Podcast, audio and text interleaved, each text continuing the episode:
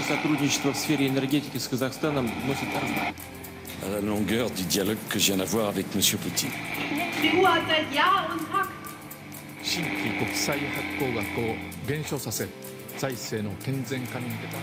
Símbolo del fascismo en Sudamérica.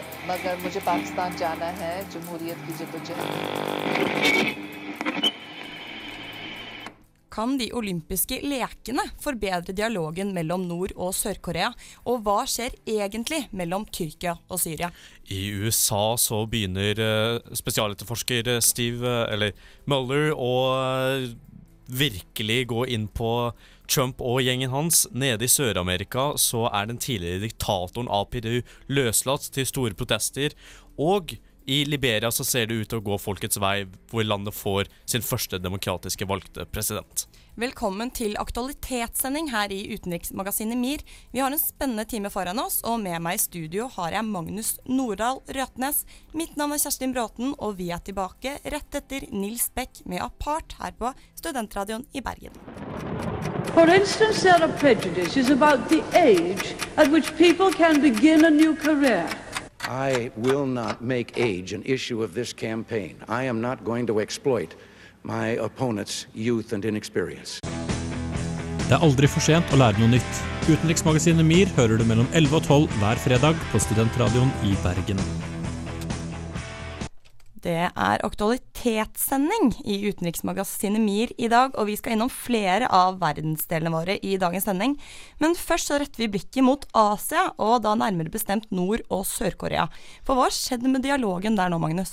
Det som har skjedd, er at det skal arrangeres OL i Pyeongchang i Sør-Korea om bare to uker. Og det er litt spesielt ettersom at Nord-Korea og Sør-Korea har hatt et litt turbulent forhold de siste ukene, spesielt etter at uh, Nord-Korea drev med atomsprengninger tidlig i september 2017. Og det har gjort at forholdet har blitt ganske surt. Men nå som det skal arrangeres OL, så tenkte regjeringen i Sør-Korea at det kan være lurt å nå ut til nordkoreanerne og se om vi ikke kan forbedre forholdet litt. Grann. Og dette kan jo være veldig positivt, det at Nord-Korea åpner litt opp, for de har jo vært innmari isolerte. Kan dette være et tegn på at de kanskje begynner å bli litt mer imøtekommende til ikke bare Sør-Korea, men kanskje også andre land? Det kan, det kan, det fort være, men det kan også være at de ser at det å eskalere konfliktnivået noe særlig mer kan være katastrofalt for begge landene, så da prøver man å roe det ned litt. Og det gjør man ved at Nord-Korea sender ned bl.a. mange idrettsutøvere, sånn at uh, Sør- og Nord-Korea skal ha et samlet ishockeylag uh, under OL, og de skal gå under samme flagg ved åpnings- og avslutningsseremonien. Og folket i både Sør-Korea og Nord-Korea er ganske glade nå, for det har Unnskyld. Det har også vært snakk om noen form for familiegjenforening etter mange av disse familiene som ble splittet da, da Nord- og Sør-Korea eh, delte seg. Har det vært noen sånne familiegjenforeninger tidligere? Det har det. Eh, ofte når konfliktnivået har dempet seg litt og man har begynt å snakke litt mer sammen, så har man tillatt familiegjenforeninger, eller iallfall at man kan møte familieslektninger man ikke har sett på mange, mange år eh, ved grensestasjoner. Eh, grensestasjoner. Men problemet er at mange i Sør-Korea, spesielt i hovedstaden Seoul, er egentlig ganske irriterte over at, til, at regjeringen i Sør-Korea tillater at Nord-Korea blir med dem eh, under OL eh, og har samlet ishockeylag. Fordi mange sørkoreanere ser på dette her som at man gir en liten belønning til Nord-Korea ved at ja, ja, de kan være med og fylle troppen vår til ishockeylaget, selv om det er mange sørkoreanere som da må tas ut av den troppen fordi de har arbeidet veldig hardt for å gå opp til det. Og til og med treneren av dette ishockeylaget sa jo at de ikke likte Altså, de, de, fant det krevende at laget skulle bli brukt som et politisk virkemiddel, uh, men at uh, dette var litt større enn dere selv, og det var med for å bringe fred, så det gikk greit. Ja, som du sier, så er det nok ganske mye optimisme blant uh, Nord-Korea, men kanskje ikke like mye i Sør-Korea. Spesielt de yngre, den yngre generasjonen i Sør-Korea har jo ikke dette sterke båndet til Nord-Korea som det den eldre generasjonen har. Så det er nok uh, ja, ikke bare positivisme med det bedrede forholdet, da. Mellom Nord-Korea og Sør-Korea? Ja, det er helt riktig. Det er mange sørkoreanere som har skapt sin egen identitet, ikke som koreanere, men som sørkoreanere, og ser seg litt annerledes fra eh, fra de, de, rare menneskene som bor oppe i nord. De har, de har, ikke så tette familiebånd, ikke sant.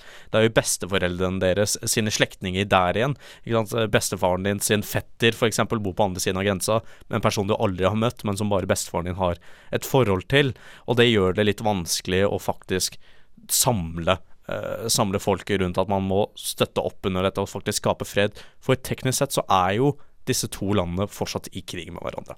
Men kan det være at Nord-Korea nå ikke åpner opp for dialog fordi de faktisk ønsker det, men at uh, det er en taktikk fra deres side at det egentlig ligger noe større bak? At det kanskje ikke nødvendigvis er så positivt som det mange tror? Ja, for uh, Nord-Korea er veldig kjent med å bruke skremselspropaganda og sterke overdrivelser av hvor mektig det er og hvor stor atommakten deres er, men de fikk veldig hard respons bl.a. fra Donald Trump etter at de drev med atomsprengningene, og FN spesielt satte inn nye sanksjoner mot dem, og de kan vel ha innsett at ok, for at vi skal kunne fortsette å faktisk overleve som en stat, så må vi tone ned retorikken litt, for at vi kan øke den senere og få mer Eh, oppslutning blant befolkningen. Mm.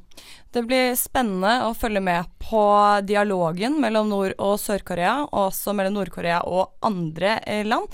Når vi er tilbake, skal vi vende oss vestover til USA. Men først får vi Minula med 'Memories', etterfulgt av en kommentar laget av vår medarbeider Rahima Mohammed, som handler om situasjonen mellom Tyrkia og Syria. Hei, det er Marte fra Jentegarderoben. Du hører på utenriksmagasinet Nyere. Ifølge nyhetsbyrået Reuters har Tyrkia nå militært gått inn i Syria.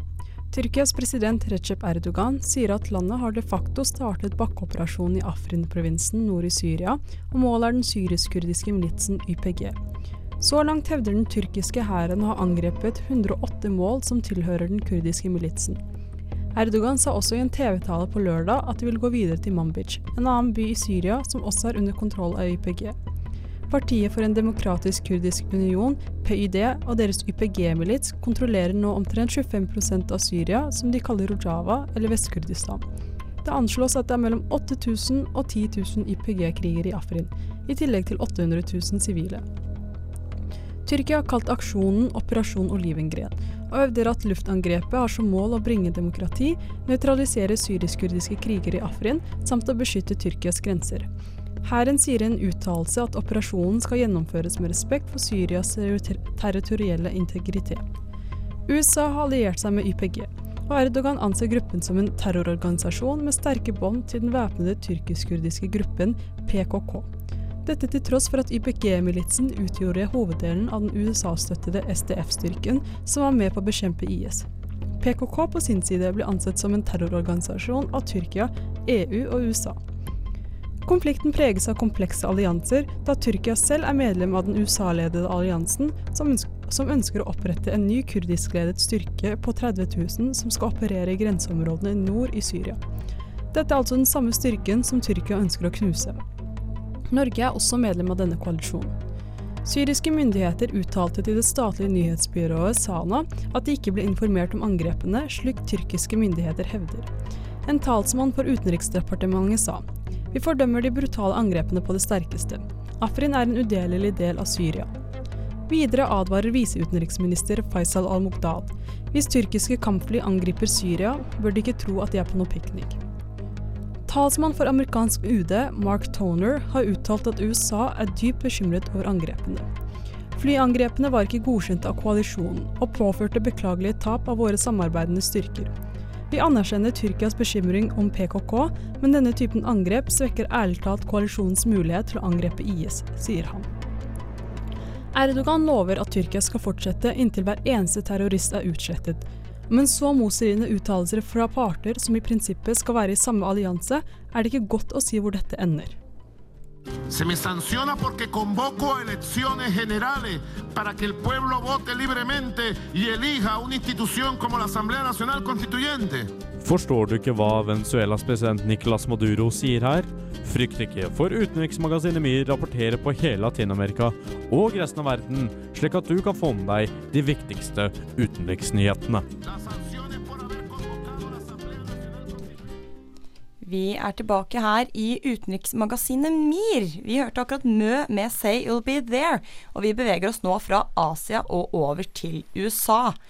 Jeg har fortsatt med Magnus i studio og Jakob. Og banden har gått med på å besvare Mullers spørsmål, var en av overskriftene i Washington Post den 17. januar. Og Magnus, hva dreier dette seg om? Det dreier seg om at spesialetterforsker eh, Robert Mueller eh, har eh, siden april-mai 2017 ledet en spesialetterforskning til Trump-presidentskapet basert på hans tro, trolige tilknytninger til Russland og Russlands oligarker. Og nå er Comey inne på slutten av den ene delen av etterforskningen sin, som handler om at om Trump gjorde noe ulovlig da han sparket tidligere FBI-direktør James Comey fordi James Comey ledet han etterforskning i å se om russerne hjalp Trump da han eh, hadde da det var valgkamp i USA. Men hvorfor er Bannon så sentral her? Hvorfor er det akkurat han som det er så viktig at besvarer spørsmålene? Bannon var uh, inntil nylig en av de aller viktigste rådgiverne til Trump. Han er sett på som blant noen som det geniet som klarte å få Trump til å bli president, fordi han blandet en kombinasjon av ytre høyre retorikk og hva man skal kalle det, altså de nedre klassene i USAs frustrasjon med hvordan den økonomiske situasjonen er, for å klare å dra Trump opp i presidentskapet. Og Bannon var veldig, veldig sentral figur i administrasjonen, og han hadde presidentens øre veldig lenge, inntil han ble sparket i slutten av 2017. Og Hva er det forventet her, Jakob, at kan komme til å komme opp i disse spørsmålsrundene? Vel, uh, Müller har ansatt et team med uh, med eksperter på finansiell kriminalitet. Så det er forventa at han ser litt mer på det finansielle aspektet ved Trump-organisasjonen. Uh, det vet jeg at russiske penger har flomma inn i bygg som er eid av Trump, uh, ofte til pris langt over takst. Spørsmålet er om Altså, det vitner om hvitvasking av penger. Spørsmålet er om Trump har visst om det, eller om han bare har tatt hvilke konsekvenser kan disse spørsmålsrundene fra Müller få for Donald Trump, Magnus? Det, det, kan fort være at flere sentrale figurer i administrasjonen hans blir fengslet, i verste fall, eller at han må, må gå av som president pga. at uh, Kongressen sier vet du hva, nei, vi kan ikke ha en president som har gjort noe så her ulovlig, både i embetet og når han skulle søke om å få embetet, så det kan hende at det ender langsiktig med at Trump må gå. Er dette eh, sannsynlig at kommer til å skje? Er det nok som tyder på at det kan gå i en slik retning? At det faktisk går utover Donald Trump selv? Um, det er uh, det man på engelsk vil kalle a long shot. Men uh, altså, Mueller driver nå med etterforskning av, uh, av om han gjorde noe ulovlig med å sparke James Comey. Men han driver også med etterforskning, ifølge banden, uh, om svigersønnen hans, Jared Kushner, som også er en millionær i sin rett med mange boligprosjekter i og rundt New York, eh, og hans uh, forhold og assosiasjoner til Deutsche Bank i, Tyskland. Uh, og om det ikke har vært noe hvitvasking av penger der. Og om uh, Mueller klarer å fengsle og dømme svigersønnen til Trump, så vil det også være et hardt slag mot han, fordi svigersønnen har en veldig viktig og sentral posisjon i administrasjonen til Trump. Du nevnte noe med hvitvasking av penger, Jakob. Eh, av russiske penger. Hva er det som tyder på dette? Uh, det er først og fremst det at uh, Trump har har tiltrukket seg et veldig høyt antall av russiske investeringer uh, i forhold til alt annet, egentlig. Han har uh, Deutsche Bank er den eneste banken som har valgt å investere i han i de siste 20 åra pga. at han har slått seg konkurs så mange ganger. Og Deutsche Bank har sjøl vært involvert i uh, store skandaler med, uh, med hvitvasking av penger.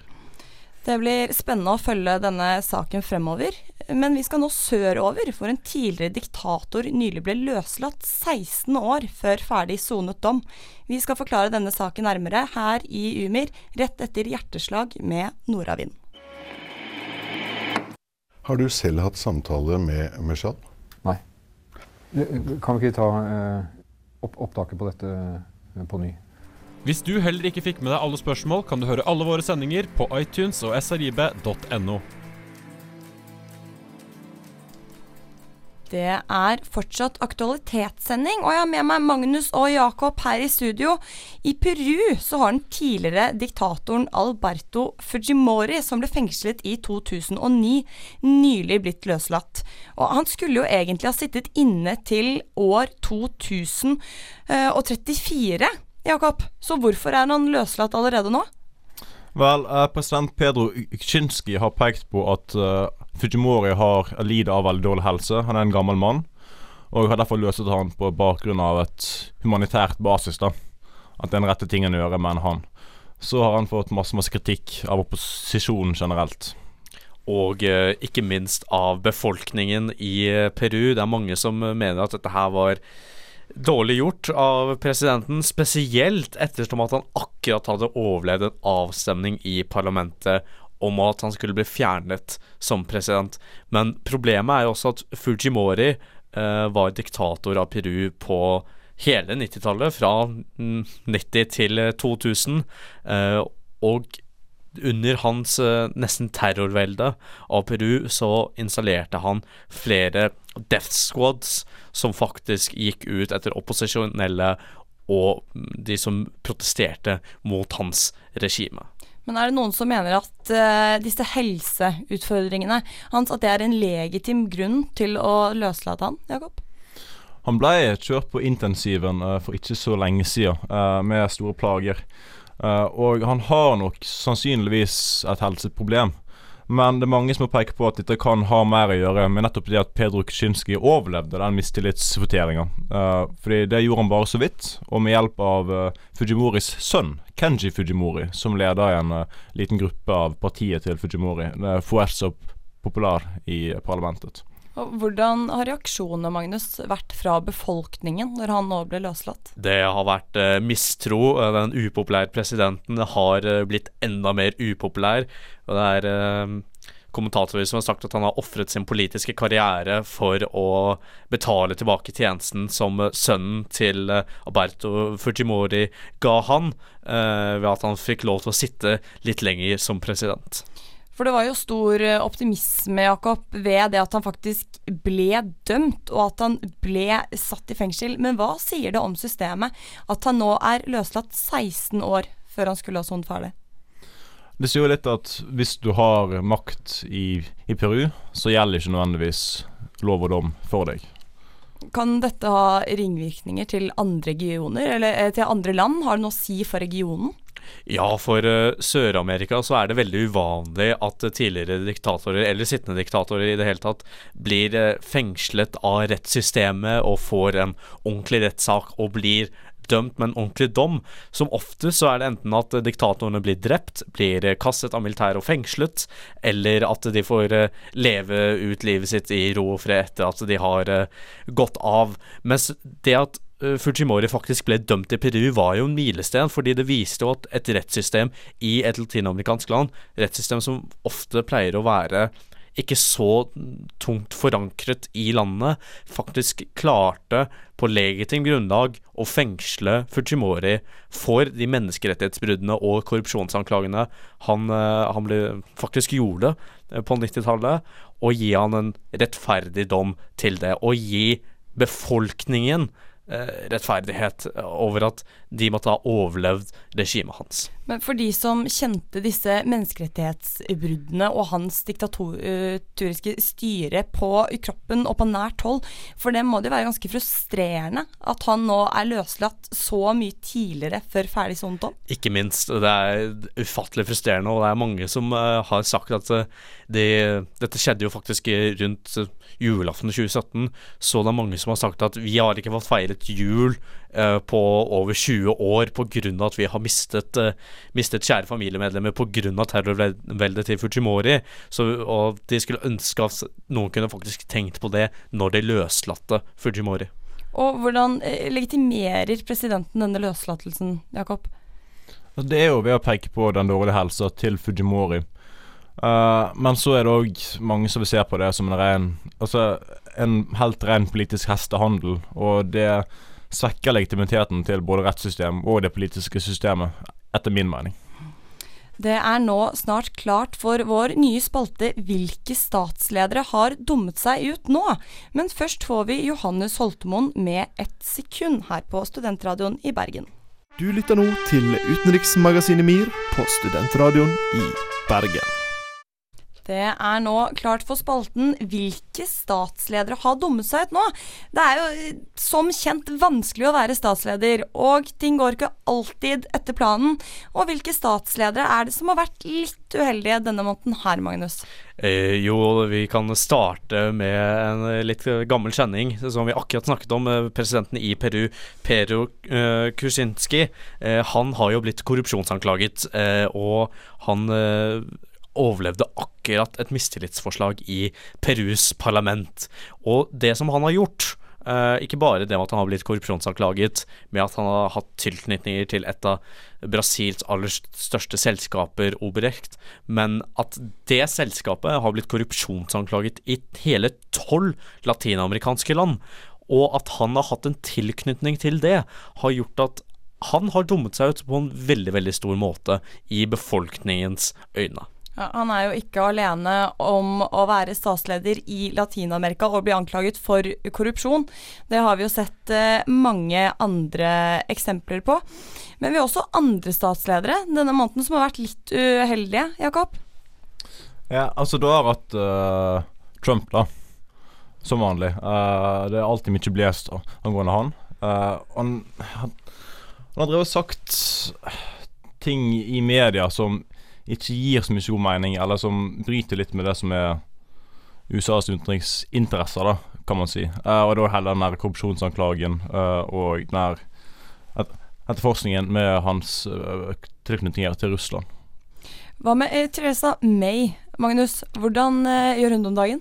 Ja, Theresa May er jo statsminister i Storbritannia, og som viden kjent så skal jo Storbritannia forlate EU. Eh, og det går litt hardt for seg for tiden. Eh, det har eh, ikke kommet særlig langt i å forhandle en avtale med EU om handel, og hvem som skal ha ansvar for hva eh, innad i Storbritannia, hvor mye penger som skal gå til EU fra nettopp Storbritannia. Eh, Skottland har òg nevnt at eh, de er klare til å starte en ny uavhengighetsvotering innen ett år, som følge av brexit. Eh, det kan se ut som om Helen brexit kan muligens i ytterste i ytterste konsekvens føre til en oppbrytning av av Ja, som, eh, som Jakob eh, har, har nå sagt, så kan det ha store konsekvenser for Storbritannia. Og Theresa May har jo blitt anklaget av mange, både opposisjonspartiet Labour eh, og Liberal Democrats i Storbritannia, for å virkelig ikke klare å forhandle med EU, fordi hun skal stå på en veldig hard linje og si at nei, vi bukker ikke under for EU, samtidig som EU sitter på alle midlene og sier nei, vi vil jo ikke Altså, om dere ikke vil forhandle om noe, så gir vi jo ikke dere noe som helst. Dere får ikke tilgang til det indre markedet, f.eks., som Norge er en del av, eh, om, om dere oppfører dere slik. Så det ser jo ut for øyeblikket, for øyeblikket er veldig viktig her, at det ikke kan bli noen helhetlig avtale mellom EU og Storbritannia innen fristen har gått ut eh, rundt mars 2019. Men det kan være Det, det kan gjenstå å se om det faktisk endrer seg. For uh, som kjent, uh, tidspress er et uh, viktig virkemiddel, og det kan hende at det blir litt enklere for Storbritannia å svelge noen kameler når fristen nærmer seg. Og da er det bedre å ha en liten handelsavtale enn ingen i det hele tatt. I hvor stor grad vil du si at brexit-forhandlingene har påvirket Theresa Mays omdømme? Ja, det, det påvirket henne veldig da hun først ble statsminister i, i 2016. Etter at Damon Cameron gikk av, så eh, ble hun ansett som å være veldig sterk leder, veldig handlekraftig. Hun var en flink innenriksminister, eh, men etter at hun ble statsminister, og etter de spesielt de statsrådene hun valgte, bl.a. den fint kjente tullebukken Boris Johnson, så eh, har ting bare gått nedover for eh, Theresa May. Det er lite handlekraft, mye intern krangling i, eh, i regjeringen, og de møter stadig nye nye barrierer innad i det britiske parlamentet. Men hvordan mener det britiske folket at hun skulle ha håndtert forhandlingene? Altså, det er jo veldig stor forskjell. Det er jo mange som faktisk har lyst på en ny folkeavstemning om de skal gå ut av EU. Mange vil jo fortsatt bli værende i EU. De har jo sagt etter folkeavstemninga at nei, nei, det, vi, vi forstår ikke konsekvensene. Vi vil jo heller bli værende i EU og ha de godene vi har, istedenfor å gå helt ut og måtte klare oss selv igjen og miste mange av de godene som allerede eksisterer.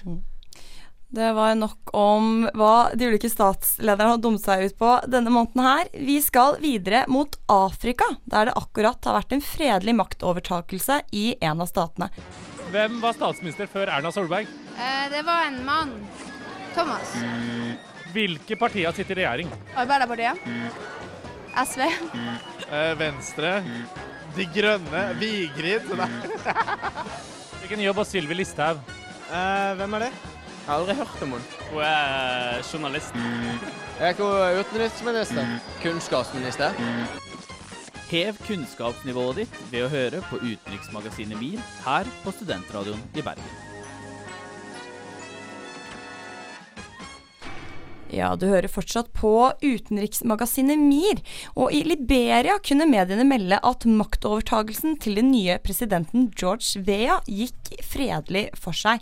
Og hvem er denne nye presidenten George Vea, Magnus? George Vea er en uh, veldig kjent fotballspiller fra Liberia, 51 år gammel.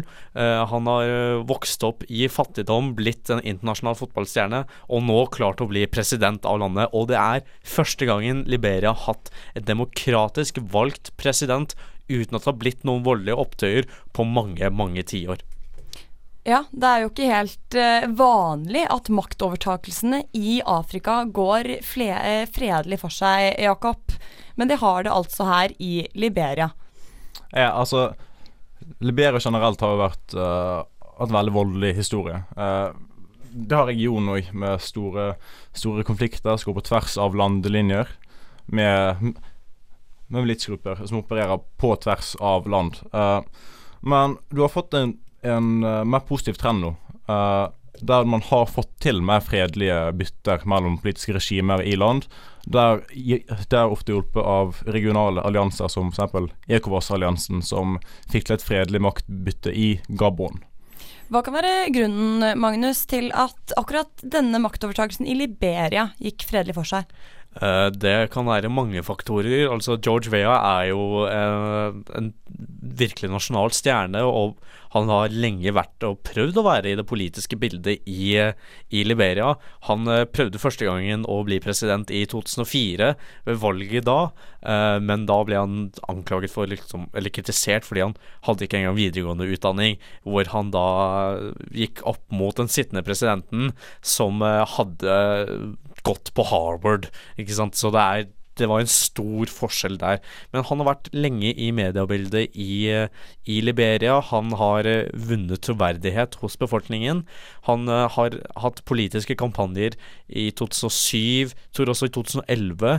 eh, og i 2014 så ble han valgt som senator for eh, et distrikt eh, som inkluderer hovedstaden i Liberia, til nasjonalforsamlingen. Og det ga han den politiske erfaringen og gravitasen han trengte for at i 2016 øh, fa- øh, sa at han kunne annonsere at han ville bli Altså være med i valgkampen om å bli president.